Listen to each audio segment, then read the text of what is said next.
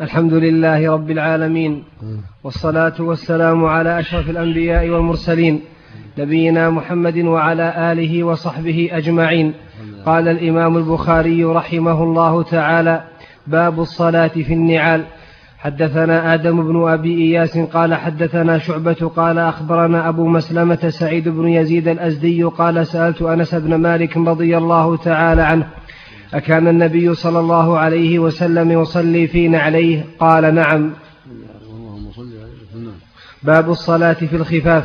حدثنا آدم قال حدثنا شعبة عن الأعمش قال سمعت إبراهيم يحدث عن همام بن الحارث قال رأيت جرير بن عبد الله رضي الله تعالى عنه بال ثم توضأ ومسح على خفيه ثم قام فصلى فسئل فقال رأيت النبي صلى الله عليه وسلم صنع مثل هذا. قال إبراهيم فكان يعجبهم لأن جريرا رضي الله تعالى عنه كان من آخر من أسلم.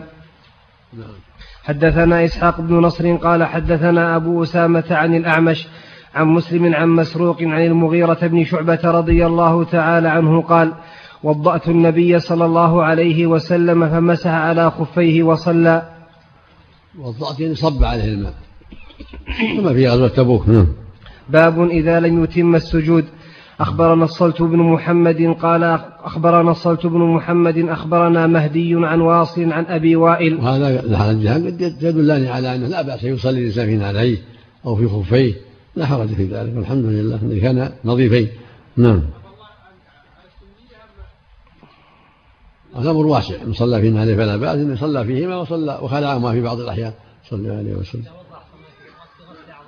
نعم نعم إذا وضأ غسل أعضاءه لا كان المغيرة يصب عليه الماء والنبي هو اللي يغسل كان المغيرة يصب عليه صلى الله عليه وسلم.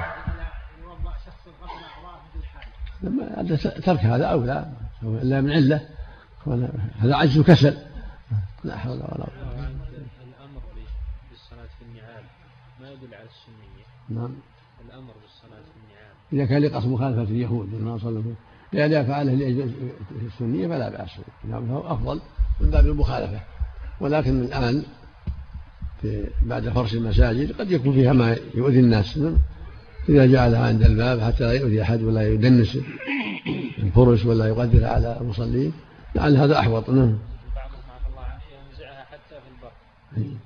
لا لا لا إذا كان نظيف لا صلى بها أحسن. كان نظيف لكن قد تؤذيه في الصلاة بعض الناس قد تتأذى بها. هو الأقرب النبي قال اليهود يصلون عليه خالفوهم صلى الله عليه وسلم. المخالفة سنة. نعم. ها؟ لا النعام ما يمسح عليه يمسح على الخفين يمسح على جوربين. النعام ما يمسح عليه. باب إذا لم يتم السجود. أخبرنا الصلت بن محمد أخبرنا مهدي عن واصل عن أبي وائل عن حذيفة رضي الله تعالى عنه أنه رأى رجلا لا يتم ركوعه ولا سجوده فلما قضى صلاته قال له حذيفة رضي الله تعالى عنه ما صليت؟ قال وأحسبه قال لو مت مت على غير سنة محمد صلى الله عليه وسلم. وهذا يدل على من صلى ولم يتم الركوع والسجود لا صلاة له مثل ما أمر النبي الأعرابي أن يعيد الصلاة. فالطمأنينة ركن لا بد منه. فلا ينقضها ولا يتم ركوعها ولا لا صلاة له. نسأل الله العافية. نعم. باب يبدي ضبعيه ويجافي في السجود. أخبرنا يحيى بن بكير قال حدثنا بكر بن مضر عن جعفر عن ابن هرمز عن عبد الله بن مالك بن بحينة أن النبي صلى الله عليه وسلم كان إذا صلى فرج بين يديه حتى يبدو بياض إبطيه. نعم. هكذا هكذا السنة. لا يضم يديه إلى إبطيه بل يهرس. هذا السنة في السجود نعم. باب فضل استقبال القبلة يستقبل بأطراف رجليه. قال أبو حميد رضي الله تعالى عنه عن النبي صلى الله عليه وسلم حدثنا عمرو بن عباس قال حدثنا ابن المهدي قال حدثنا منصور بن سعد عن ميمون. باب باب. باب فضل استقبال القبلة يستقبل بأطراف رجليه. قال أبو حميد عن النبي صلى الله عليه وسلم. قاله ما عندك قاله أبو حميد. أنا عندي قال يا شيخ. لا قاله. أحسن الله عليك. نعم. قاله أبو حميد. نعم. قاله أبو حميد عن النبي صلى الله عليه وسلم. نعم. حدثنا عمرو بن عباس. قال حدثنا ابن المهدي. قال حدثنا منصور بن سعد عن ميمون بن سياه عن أنس بن مالك رضي الله تعالى عنه قال قال رسول الله صلى الله عليه وسلم اللهم صل من صلى صلاتنا واستقبل قبلتنا وأكل ذبيحتنا فذلك المسلم الذي له ذمة الله وذمة رسوله فلا تغفر الله في ذمته. اللهم صل عليه وسلم. نعم. حدثنا نعيم قال حدثنا ابن المبارك عن حميد الطويل عن أنس بن مالك رضي الله تعالى عنه قال قال رسول الله صلى الله عليه وسلم أمرت أن أقاتل الناس حتى يقولوا لا إله إلا الله فإذا قالوها وصلوا وصلوا فإذا قالوها وصلوا صلاتنا واستقبلوا إيش؟ قبل فإذا قالوها حد- حدثنا؟ حدثنا نعيم قال حدثنا ابن المبارك عن حميد الطويل عن أنس بن مالك رضي الله تعالى عنه قال قال رسول الله صلى الله عليه وسلم أمرت أن أقاتل الناس حتى يقولوا لا إله إلا الله فإذا قالوها وصلوا صلاتنا واستقبلوا قبلتنا وذبحوا ذبيحتنا فقد حرمت علينا دماؤهم وأموالهم إلا بحقها وحسابهم على الله. هذا الحديث واشباهه يقيد الأحاديث الأخرى يفسر معناها الحديث الآخر قلت أن اقاتل الناس حتى يقول لا إله إلا الله فإذا قالوها عصموا مني دماءهم واموالهم إلا بحقها وحسابهم من الله. لا الله إلا بحق الإسلام وحسابهم من الله مثل ما قال الصديق من حقها الصلاة والزكاة. هكذا هنا صلوا صلاتنا واكلوا ذبيحتنا استقبلوا قبلتنا وأكلوا ذبيحتنا وحديث من عمر في الصحيحين أمرت أن أقاتل الناس حتى يشهدوا أن لا إله إلا الله وأني رسول الله ويقيموا الصلاة ويؤتوا الزكاة فإذا فعلوا يعصموا مني دماءهم وأموالهم إلا بحق الإسلام وحسابهم على الله وما جاء في معناه. فالأحاديث يفسر بعضها بعضا. وليس معناها إذا قاله بس. إذا قالها والتزم بحقها. أما إذا قالها وعاندها أشرك بالله أو ترك الصلاة أو ترك الزكاة ما ما, ما حصلت لها العصمة. نعم. نعم. يعني احفظوا. لا تكفروا الله في ذمته بأن تعتدوا عليه. نعم. الله إليكم المريض الله يستقبل بأطراف بوجهه؟ نعم. المريض في المستشفى ولا يستطيع القيام ولا القعود يكون رجليه إلى قبلة ووجهه رجليه كلها إلى قبلة هو. يعني يكون رأسه الغرب يصير وجهه إلى قبلة بس؟ ورجليه كلها إلى قبلة يمتد إلى قبلة أهم شيء الوجه. القبلة تختلف حد ترى شرق وغرب. عندنا القبلة غرب وفي بلاد أخرى شمال وفي بلاد جنوب تختلف. الجهات المقصود يكون إلى جهة القبلة. يوم إذا كان مستلقي إلى جهة القبلة. أما إذا كان جنبه يكون وجهه إلى القبلة. يكون يكون على جنبه الأيمن وجهه إلى القبلة. وهكذا كان جنبه الأيسر يكون وجهه إلى القبلة وإذا كان مستلقي تكون رجلاه إلى القبلة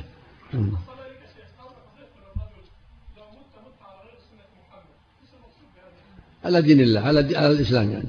أحسن الله لك بعض المرضى من- منعه الطبيب من السجود بعض المرضى إذا سوى عملية في عينيه ثم منع من السجود يلاحظ على بعضهم أنه يصلي جالسا وقد يتيمم.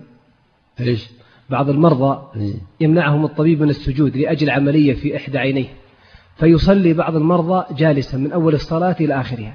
إذا يسجد فهو يسجد إذا كان منع من السجود يخفض رأسه أكثر من الركوع ولا يسجد. ويمسح يمسح إن كان عليها عصابة يمسح عليها. لكن صلاة وجهه ويمسح على العصابة. لكن صلاته جالسا. لا ما يجوز جالس أحسن الله عليك. يجب أن يقوم إلا إذا كان مريض. أحسن الله. قال ابن أبي مريم أخبرنا يحيى. قال قال, ابن- قال ابن أبي مريم أخبرنا يحيى.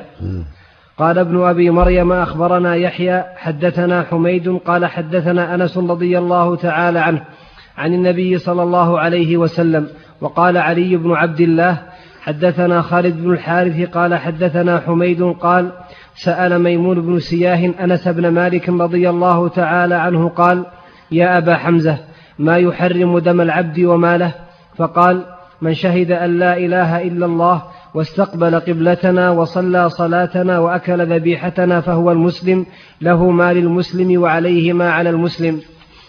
نعم يعني إذا التزم بالبقية أيضا. نعم. باب مثل ما تق- مثل ما تقدم في حديث ابن عمر مثل ما قاله الصديق رضي الله عنه فإن الأحاديث يفسر بعضها بعضا. والمعنى إذا التزم بحق لا إله إلا الله من صلاة وزكاة وغيرها وصوم وحج وغير ذلك واجتناب المحرمات اجتناب الزنا والخمر وأشبه ذلك وإلا يقام عليه حد الله إذا خل بشيء. لأن النصوص تفسر بعضها بعضا. نعم. نعم. مثل وهكذا هذه البطاقة وغيره يعني إذا التزم بحق الشهادتين. أما إذا شهد أن لا إله إلا أن محمد رسول الله وترك الصلاة أو جحد وجوبها كفر.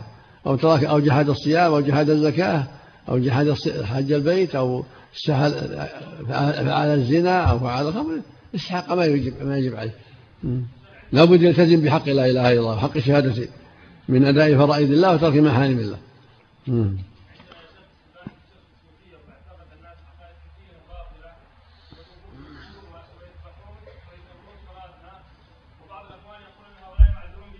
إيش؟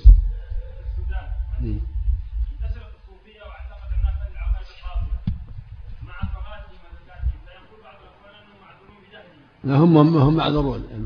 القرآن موجود والسنة موجودة بين المسلمين. يجب أن يتعلموا. من أتى الشرك فهو كافر. إلا إذا كان في بلاد ما بلغت الدعوة. يكون في بلاد الغفلة. يكون حينئذ من أهل الفترة. أمره إلى الله يوم القيامة. أما من بين المسلمين يعبد القبور يعبد الأموات هذا مشرك. لابد يتعلم ويسأل.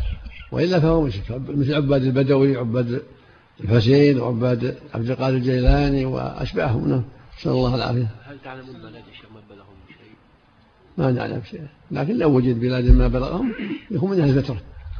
نعم. باب قبلة أهل المدينة وأهل الشام والمشرق.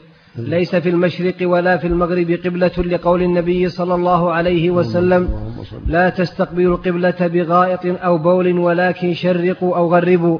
حدثنا علي بن عبد الله قال حدثنا سفيان قال حدثنا الزهري عن عطاء بن يزيد عن أبي أيوب الأنصاري رضي الله تعالى عنه أن النبي صلى الله عليه وسلم قال إذا أتيتم الغائط فلا تستقبلوا القبلة ولا تستدبروها ولكن شرقوا أو غربوا قال أبو أيوب رضي الله تعالى عنه. فقدمنا الشام فوجدنا مراحيض بنيت قبل القبلة فننحرف ونستغفر الله تعالى. وعن الزهري عن عطاء قال سمعت أبا أيوب رضي الله تعالى عنه عن النبي صلى الله عليه وسلم مثله. وقال شرق وغرب يعني في مثل المدينة. إذا كان عن قبلة الشمال شرق وغرب. أو عن قبلة الجنوب شرق وغرب. أما إذا كان قبلة الشرق مثل هذا يجلب ولا يشمل؟ أو عن قبلة غرب هذا يجلب ولا يشمل؟ على حسب أحواله. ولا يستقبل القبلة بغائطه ولا بوله هذا إذا كان في الصحراء. أما في البنيان فالأمر أسهل. إذا كان في البنيان فالأمر أسهل. لما ثبت في الصحيحين ابن عمر قال رأيت النبي صلى الله عليه وسلم يقضي حاجته مستقبل الشام مستقبل الكعبة. في بيت حفصة. رضي الله عنها. من قال من الأصوليين يا شيخ أحسن الله عليك. بعض الأصوليين يقول أن رؤية ابن عمر هذه كانت خاص من خواص صلى الله عليه وسلم فلا حجة فيها. نعم. بعض الأصوليين يقول أن الاحتجاج بما رآه ابن عمر من فعل النبي عليه الصلاة والسلام لا ي... ليس في محله لأن الرؤية كانت على أمر خاص بالرسول صلى الله عليه وسلم. لا لا ما, ما, ما لها كلام. سنة فعله حجة وقوله حجة أحسن الله عليك. أفعاله حجة وقوله لقد كان في رسول الله أسوة حسنة. نعم. بعد ذلك يعني بعد ذلك نعم. إذا الإمام صلى على القبلة والمأمومين مختلفين بشيء بسيط. انحراف يسير ما يضر. يعني أهم شيء الإمام يشهد انحراف اليسير لا كلهم. انحراف يسير يعفى عنه. الإمام والمأمومين. اليسير نعم. نعم القول مقدم. لكن الفعل يفسر القول أنه ليس الوجوب إذا كان في الصحراء نعم. باب قول وجب وفي, وفي البيوت لا ما يلزم. لكن إذا إذا ترك الاستقبال في البيوت فيكون حسن إن شاء الله. مثل ما قال أبو أيوب ننحرف عنها ونستغفر الله. نعم. باب قول الله تعالى واتخذوا من مقام إبراهيم مصلى. بارك بارك. أحسن الله عليك. نعم. سبحانك الله